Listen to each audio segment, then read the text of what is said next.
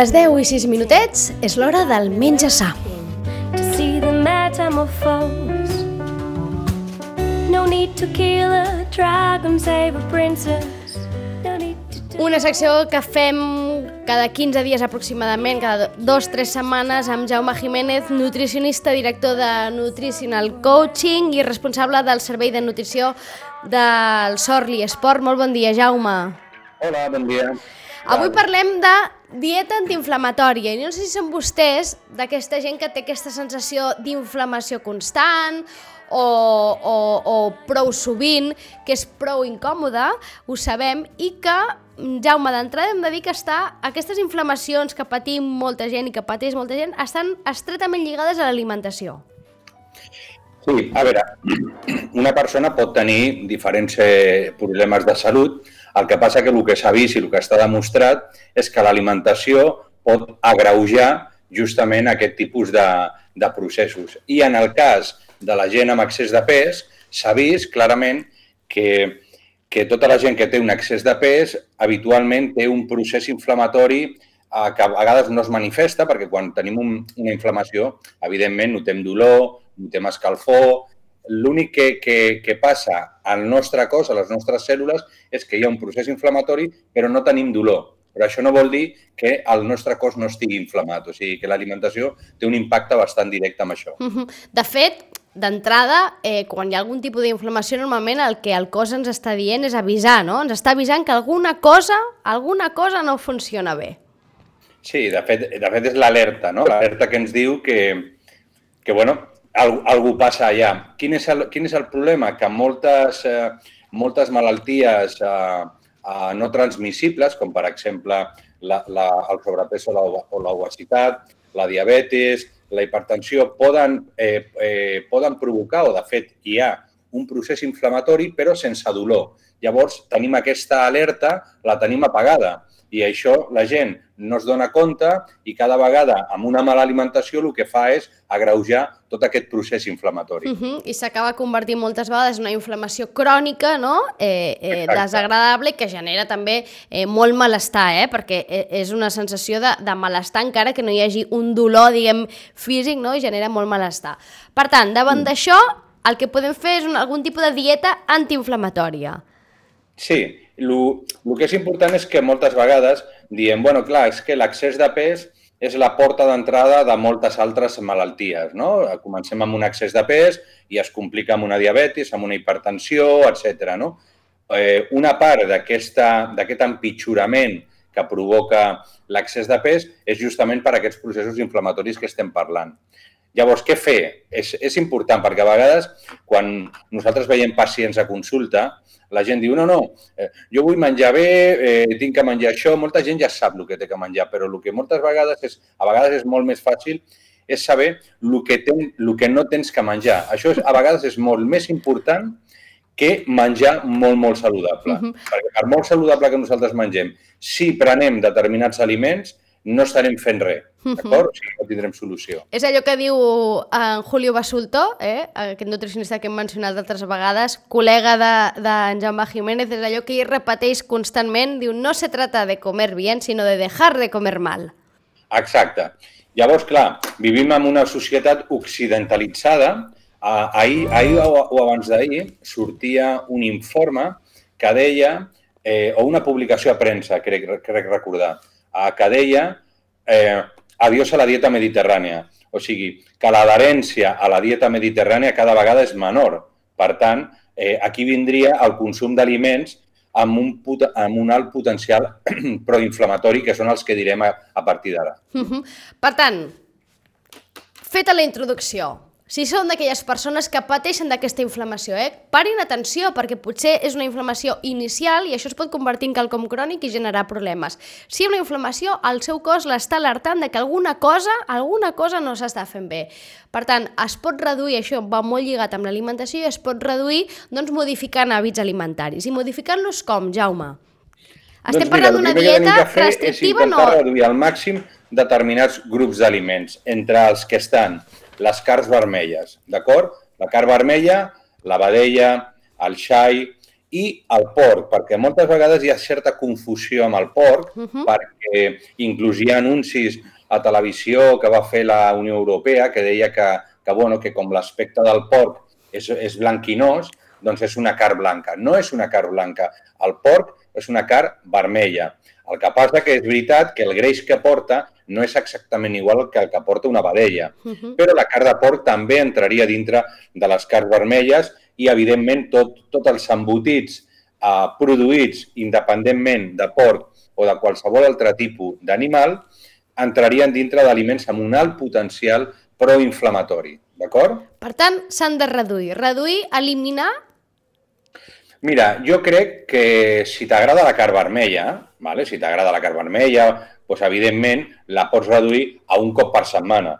Un cop per setmana, si tu fas eh, una bona alimentació la resta, no hi ha cap problema. Si tu fas esport habitualment, no hi ha cap problema. Si tu, a tu t'agrada el pernil bo i prens pernil un cop per setmana, doncs no passarà res. Però el problema és abusar d'això, no? perquè moltes vegades les mares ens diuen bueno, i si no li poso embotit al meu fill, què li poso? Home, hi ha infinitat de possibilitats, el que passa que hem d'acostumar els nostres fills i les nostres filles a menjar altres aliments que no siguin embotits. Amb el pa entren infinitats. Un altre dia ja farem un programa només per eh, esmorzars, només per berenars, per, per nens, perquè la gent vegi les múltiples combinacions que podem tenir per evitar aquest tipus d'aliments com els embotits, carn vermella i tot això. Per tant, reduïm si, si es pogués eliminar, però si no, si t'agrada la carn vermella, la reduïm a un cop per setmana. Per tant, oblidem-nos de cada dia un entrepà de pernilet, d'embotit, de xoriço, de llonganissa. No, no pot ser cada dia això, ni tampoc pot ser cada dia un tall de carn. No pot ser cada dia. Amb un cop a la setmana n'hi ha prou. Si t'agrada molt, doncs no ho sé, fes-ho divendres o dissabte o diumenge, un dia festiu que puguis gaudir una mica més, tant se val. Però mirem de reduir-ho perquè són aliments que tendeixen o ajuden d'alguna manera aquesta, aquesta inflamació que mirem de d'evitar. Què més, Jaume? No tendeixen. O sigui, la relació entre un alt consum de carn vermella i processos inflamatoris és claríssima. O sigui, això per... és evident. Després, els làctics, sobretot làctics que són sencers, amb tot el greix, perquè el greix que porten els làctics eh, és un greix saturat. Mm. I aquell, aquest greix saturat el que fa és augmenta la producció de certes molècules a l'organisme que són proinflamatòries. Per tant, la llet sencera, el mató, el formatge, tot això també entraria dintre dels aliments que, home, tindrien que controlar, sobretot el greix, perquè jo sé que vivim en un país molt lleter i no voldria que hi hagués cap problema. Però, home, si podem reduir el greix de la llet també és una bona uh, opció per reduir aquests processos inflamatoris. Uh -huh. Recordem que estem parlant per aquella gent que tingui eh, tendència a sentir-se inflamada, no? Eh, eh, molt inflamada, sense un dolor, però molt inflamada. Estem parlant, per tant, d'aquesta dieta antiinflamatòria. Qui no tingui aquests problemes, doncs escolta'm, que prengui, entenc, la, eh, la llet com convingui.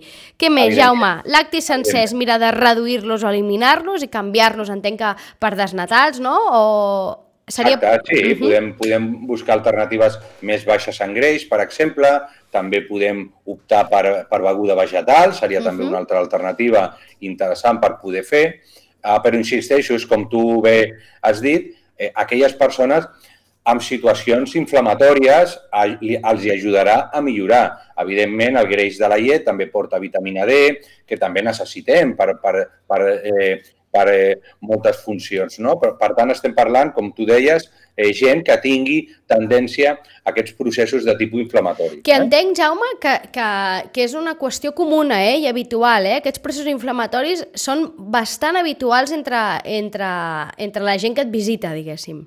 I tant, mira, qualsevol persona que tingui malalties autoimmunes, ¿vale? eh, uh -huh. qualsevol persona que tingui processos al·lèrgics, uh, qualsevol persona que tingui dolors articulars, dolors musculars, eh, qualsevol persona que tingui excés de pes, tota aquesta gent eh, millorarà amb una reducció d'aliments proinflamatoris. O sigui, imagina't la quantitat de gent que, que pot beneficiar-se d'aquest tipus de, de, de pautes d'alimentació. Eh? Uh -huh. Algun aliment més que haguem de reduir o eliminar? Sí. Els, aliments, els, perdó, els aliments processats i ultraprocessats. Tot l'aliment processat i ultraprocessat, diguéssim, el que no el que no es troba de manera natural a la, a la natura, eh, el tindrien que reduir, perquè tot això és un potencial proinflamatori brutal. Mm? Uh -huh. I aquí jo crec que no cal que entrem gaire, no? Vull dir, ja sabem tots el que són processats i ultraprocessats. És a dir, de fet és fàcil, no? És a dir, allò que ha passat per moltes mans ha hagut de passar per molts llocs perquè tu t'ho puguis ingerir, no? Exacte, exacte. Llavors, després, hi ha un, hi ha una, un producte que té certa controvèrsia que eh, és el gluten, d'acord? Uh -huh. sí, sí que s'ha vist que algunes persones amb situacions inflamatòries diverses milloren amb una dieta reduïda en gluten. Això no vol dir que treure el gluten de la dieta et millori la salut, perquè no hi ha cap estudi que, que demostri això. Però sí és veritat que determinades persones amb processos de tipus inflamatori que treuen o redueixen molt el gluten de la dieta sí que milloren. Per tant, tot el que és el blat, eh, cibada, eh, eh, ho dic en castellà perquè no... no Cap no problema. Eh, trigo, avena, cebada, centeno. Uh -huh. Aquests eh, tenen una quantitat de gluten important. Per tant, podríem valorar si una dieta més reduïda o excloent aquest producte milloren o no milloren. Mhm, Que en aquest cas entenc que seria reduir el gluten que no eliminar-lo com en el cas dels celíacs, eh? simplement baixar-ne la dosi. Exacte, clar, perquè al final el gluten, gran quantitat de pa, gran quantitat de pasta, doncs a vegades també tendeix a empitjorar algunes persones. Eh? Mhm. Mira, i ara posaré un cas que és el meu, eh? Jo no sóc una persona celíaca, sóc una persona sensible al gluten. Això m'ho va determinar eh, un nutricionista també que vaig anar en el seu moment i em va fer un munt d'analítiques i va determinar això.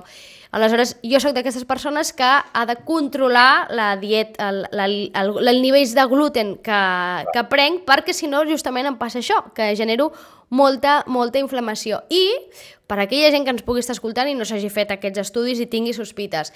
En el meu cas, jo crec que Jaume t'hi deus trobar, era molt evident. És a dir, jo menja, menjo un plat de pasta, és que és gairebé, gairebé eh, automàtic, eh? és menjar un plat de pasta i, i m'inflava d'una manera eh, brutal. Clar, jo no, no entenia que al, fi, al final acabes entenent, no? Però ja feia aquella associació directa de la pasta mm, em posa la panxa com un bou.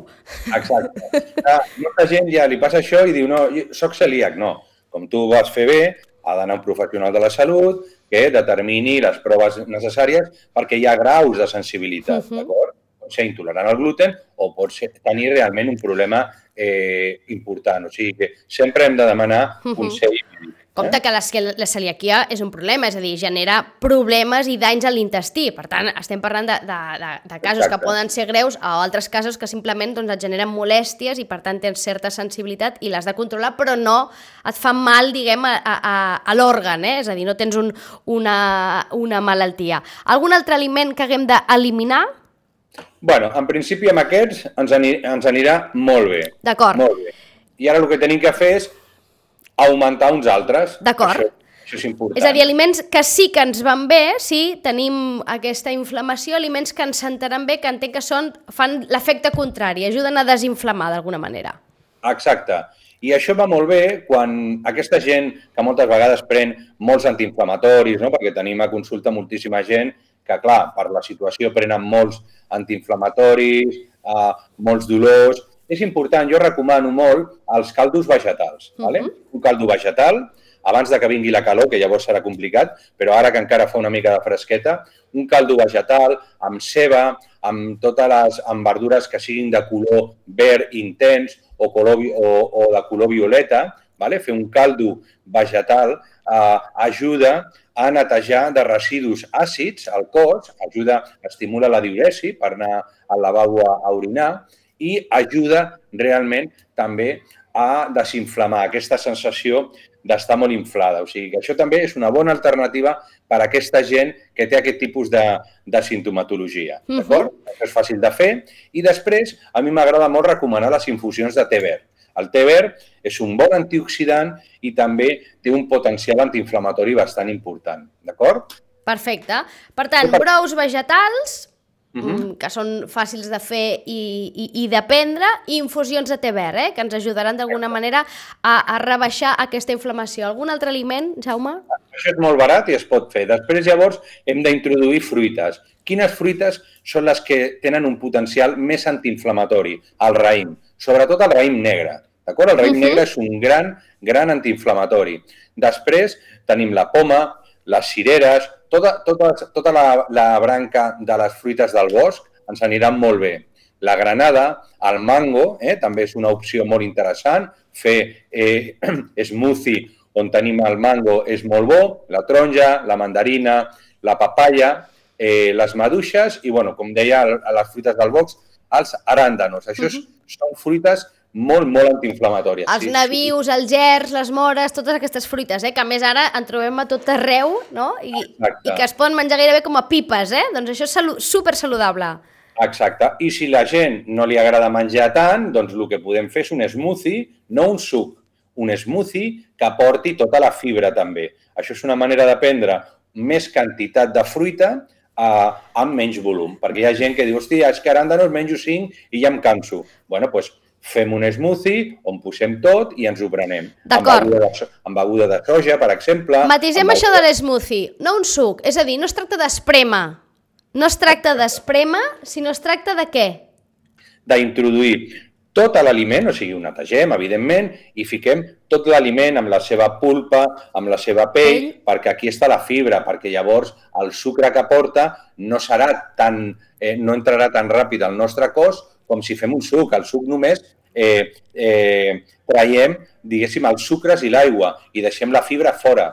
Per això és important fer un smoothie on fiquem tota la part de la fruita eh, dintre, o sigui, té una textura, eh, diguéssim, més pastosa, no és líquid com pot ser un suc. Una, eh? mica, una mica més espesset.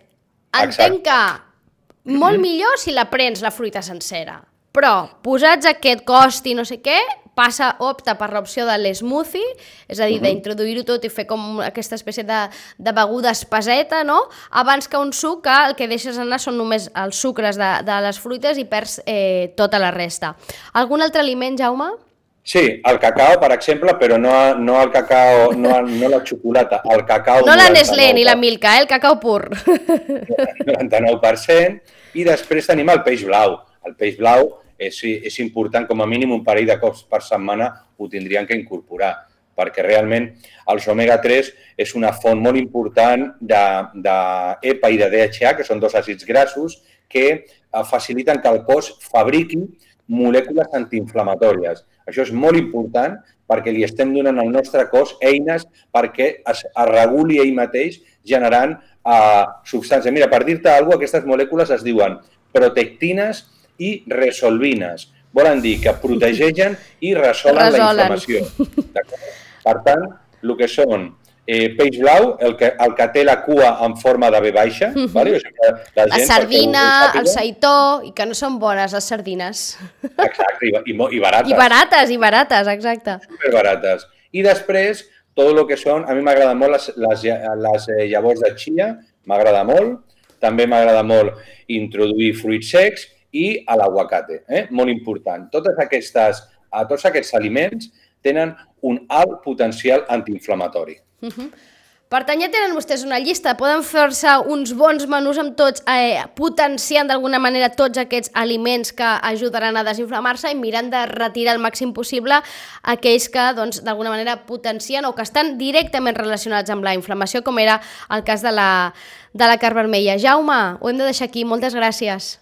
Molt bé, a vosaltres. Ens veiem la propera. Adeu, gràcies.